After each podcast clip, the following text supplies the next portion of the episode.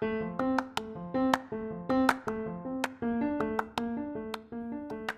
sann, så bra at du klikka deg inn på denne episoden av podkasten Spareglede. Jeg heter Anne Berit Grostad, og dagens tema er altså så superviktig for deg som enten er dame, eller som bryr deg om ei som er det. Episoden kommer ut på kvinnedagen, men innholdet det er evig aktuelt. Temaet er nemlig typiske økonomiske kvinnefeller. Så jeg håper at du vil henge med i dette kvarteret, og at du forhåpentligvis snapper opp noen tips.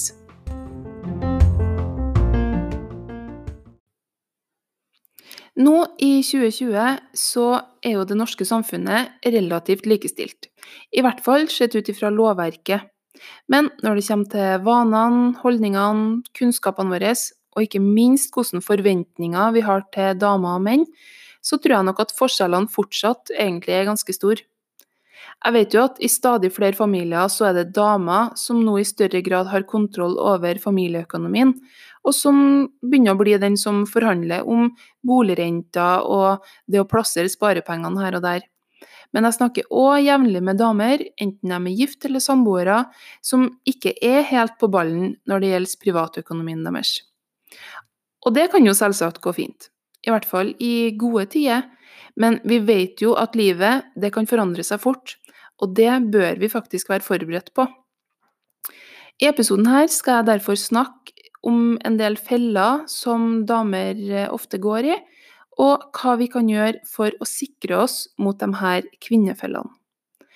En del av det her er jo juss, og fy søren, er det noe jeg syns er kjedelig lesing, så er det juss og lover og regler, ennå så viktig jeg vet at det egentlig er. Men heldigvis så har Lise Wermeli Christoffersen, hun som driver bloggen og podkasten Pengesnakk, hun har gitt ut en podkastepisode hvor hun snakker om arv og juss med en advokat som jobber i Nordea. Og Den episoden den anbefaler jeg deg virkelig å sjekke ut, for der tar de for seg hva som vil skje med arv og ja, felleseie, særeie og alt mulig, i tilfelle noe skulle skje. Ut ifra om du er gift, samboer, har egne unger, særkullsunger osv. Men i denne episoden så skal vi altså kikke litt bredere med fokus på damer, og da er det hovedsak retta mot dere damer som ikke er finansministre i hjemmet deres, og spesielt til dere som kanskje jobber deltid. For om du bor i en familie hvor det er mannen din eller samboeren din som tar seg av pengene, så bør du våkne opp og ta ansvar og sette deg inn i ting, rett og slett.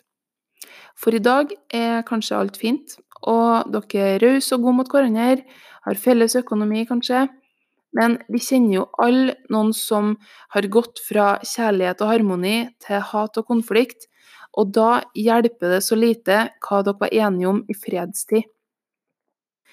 Jeg tenker derfor å ta for meg en del konkrete eksempler, så du som er gift eller samboer uten peiling på penger, skal finne ut hva du egentlig bør gjøre nå. Jeg kommer ikke til å ta for meg så mye om det her med arverett og det å sitte igjen med huset hvis partneren din går bort osv., for det snakka jo Lise og Deria så glimrende om i den der pengesnakk-episoden. Men først, du som jobber deltid.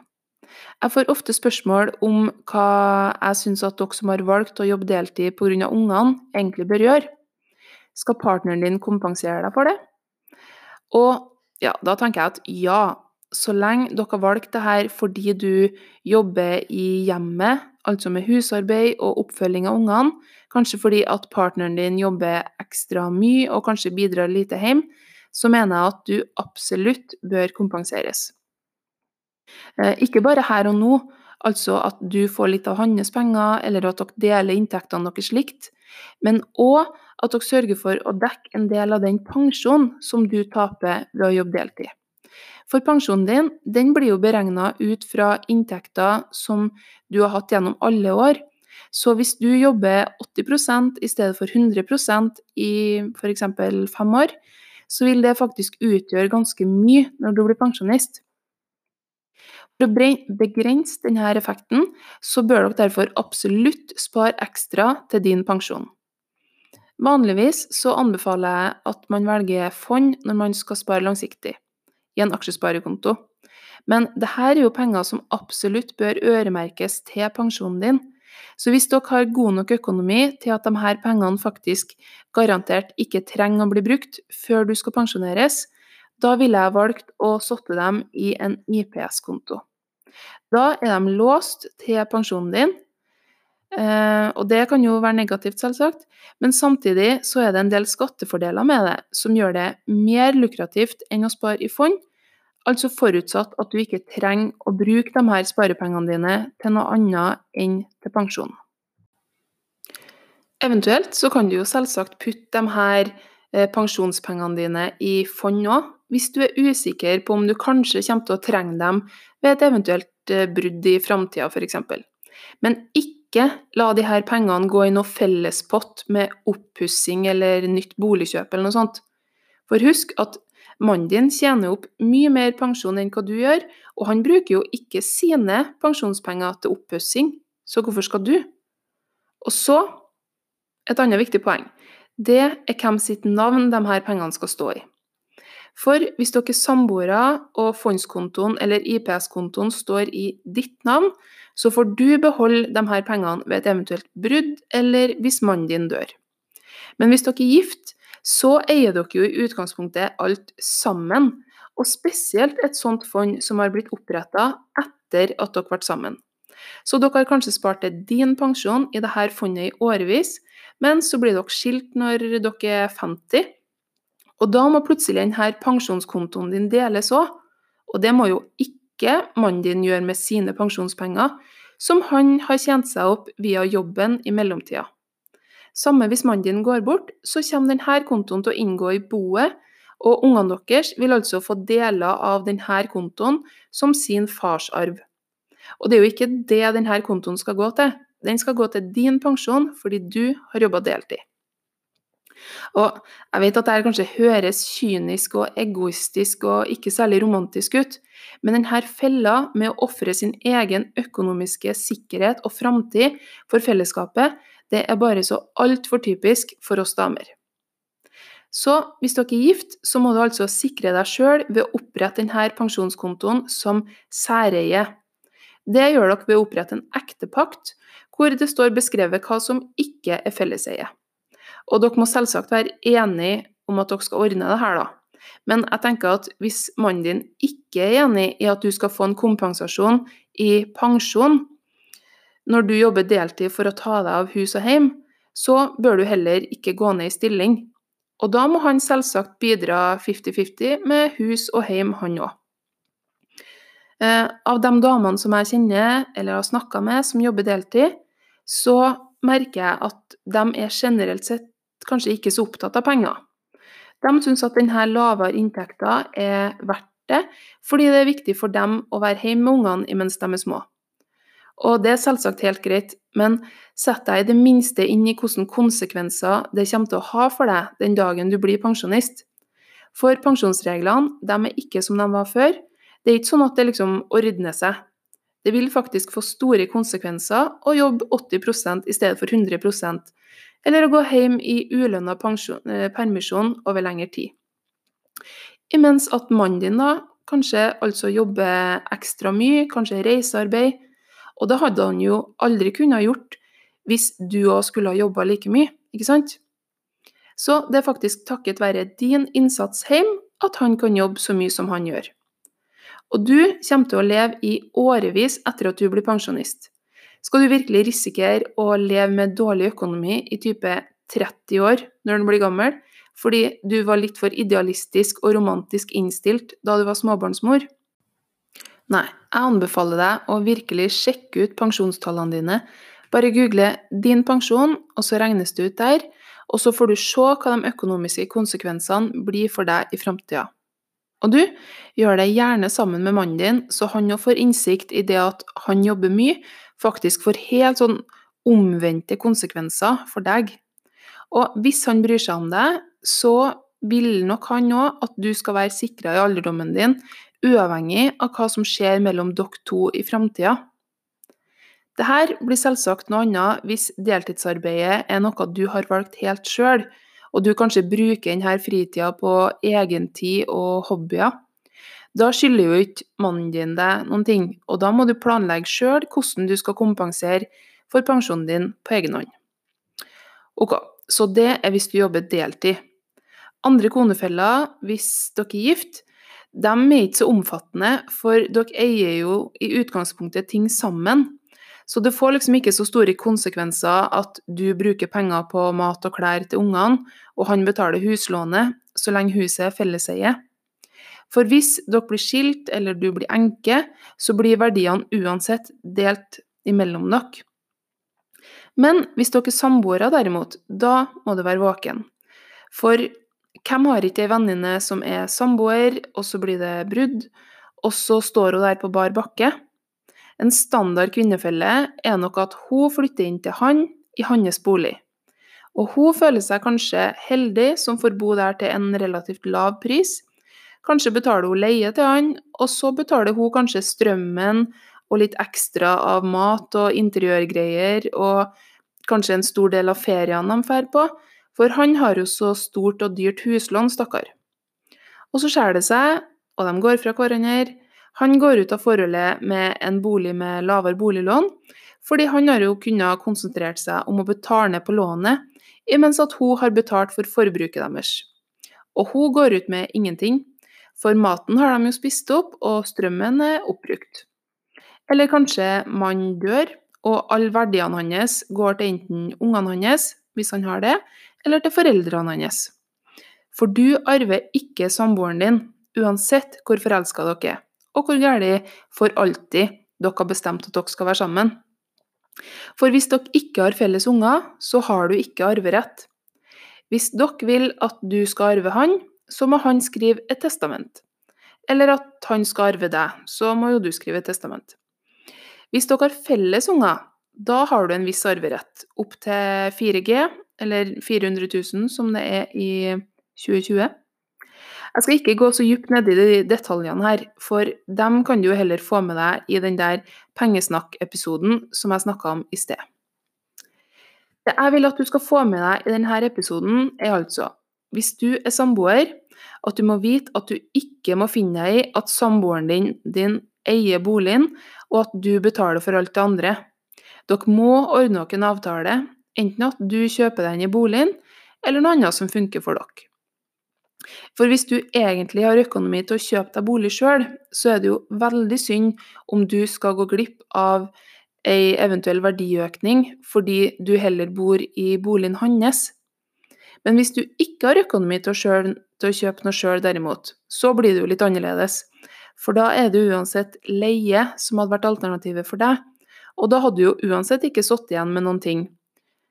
Ehm, så det der må dere to vurdere sammen ut ifra hvordan økonomien deres er. Og forresten, enten dere er gift eller samboere, og spesielt hvis dere har unger på hver deres kant, så er det kjempeviktig at dere tegner livsforsikring på vegne av hverandre. Altså at du får en sum hvis han går bort, og han får en sum hvis du går bort.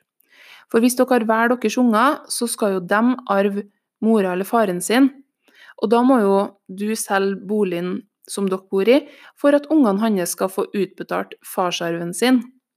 Men hvis du har livsforsikra han, så får jo du penger når han, eller hvis han går bort, som du da bruker for å betale ut ungene hans fra boligen, så du slipper å selge. Det handler altså ikke om å bli rik på at han skal dø, men at du skal slippe å miste alt hvis du mister han. Til slutt så tenkte jeg å si litt om hvordan vi har løst det for å sikre oss hvis noe skulle skje. Vi er altså gift, vi har to unger sammen, og han har ei datter ifra før. Vi har vært gift i snart 11 år, siden jeg var 22 år og han var 27. Vi hadde ingenting da vi ble sammen, og alt vi eier er felles. Både i hverdagen og på papiret. Eh, og siden mannen min har ei datter fra før, da, så var det egentlig en av grunnene til at vi gifta oss såpass tidlig. For vi fikk vår første felles unge da jeg var 21, og da var jeg student, og jeg hadde veldig lav inntekt. Eh, så hvis han hadde gått bort før vi gifta oss, så hadde jo døtrene hans, altså hun vi har sammen, og hun som han har fra før, de hadde arva alt om han hadde gått bort. Både leiligheter og det meste av tingene våre. For han eide alt på papiret, siden jeg var student og blakk. Men det faktum at mannen min jobba skift, og at han aldri kunne ha gjort det hvis jeg ikke hadde vært hjemme med dattera vår, det hadde jo ikke hatt noe betydning for dem som skulle fordele denne arven. Jeg hadde fått ingenting, sjøl om vi i hverdagen egentlig delte på alt. Derfor gifta vi oss altså tidlig. Eller, vi gjorde det jo så klart fordi vi ville feire kjærligheten, og fordi vi visste at vi ville være sammen for alltid. Men òg for at vi skulle få en sånn her formell felleseie på alt det som vi i praksis hadde felles. Og for at jeg skulle få arve han hvis noe skulle skje. Og nå høres det kanskje ut som at jeg ikke unner dattera hans at hun skulle få arve han, eller at, hun, at, jeg tenkte at hun ikke skulle få noen ting. Men sånn er det jo ikke. Hun arver jo fortsatt faren sin, og det kan ingenting forandre på. Men hvis vi ikke hadde gifta oss, og jeg ikke hadde hatt noe inntekt, og derfor liksom ikke eid noe av det som vi hadde, så hadde jo hun arva en del av det som jeg og han var enige om at skulle være delvis mitt òg. Og det er jo ikke riktig. For hun, bonusdattera mi altså, hun har jo sin egen mor som hun skal arve når den tid kommer. Ja, så det var altså det vi valgte å gjøre relativt tidlig, siden han altså hadde ei datter ifra før. Hvis han ikke hadde hatt det, så hadde vi kanskje venta med å gifte oss, og heller kanskje oppretta en samboerkontrakt og et testamente. Men det skal jo sies at siden vi var relativt unge, så var ikke vi akkurat noen supereksperter på arv og rettigheter og sånt da. Så det virka liksom enklest og tryggest med de her rettighetene som vi visste at eh, fulgte med et ekteskap. Ja, og så ordna vi oss tidlig med livsforsikring på hverandre. I starten så var den på en million, og det var fordi at det første boliglånet vårt det var på litt over en million, og leiligheta var kanskje verdt 1,5 million. Så da var målet at summen på livsforsikringa skulle, skulle, dekke det meste av boliglånet, sånn at vi skulle slippe økonomiske bekymringer oppå eh, liksom, sorgen over å miste den andre. Nå er boliglånet vårt en del høyere, og derfor så har vi økt summen på livsforsikringa òg. Det er altså sånn vi gjør det. Felleseie på alt. Og derfor så er vi ikke så nøye på hvem som oppretter de ulike kontoene osv. Eksempel så er det jeg som har oppretta fondene våre i kron, men hvis noe skulle skje, så vil uansett alt bli delt i to. Så vi har egentlig bare valgt de løsningene som er enklest for oss i hverdagen. Og det her funker for oss fordi vi har relativt lik inntekt, og vi begge gikk inn i forholdet med sånn ca. null kroner. Jeg kjenner at det er så mye mer jeg har lyst til å si om damer og økonomi, men det må jeg putte i en annen episode, for tida, den flyr. Så det her var altså det jeg ville si om typiske damefeller. Hvis du kjenner ei dame som du tror at kanskje ikke har eh, sørga for å sikre seg helt optimalt på denne fronten, så håper jeg at du vil tipse henne om denne episoden. For det her er viktig. Og spør meg gjerne på Instagram hvis du lurer på noen ting. Jeg er som sagt ikke noe jusekspert, men jeg skal gjøre mitt aller beste for å finne svar på det som du lurer på.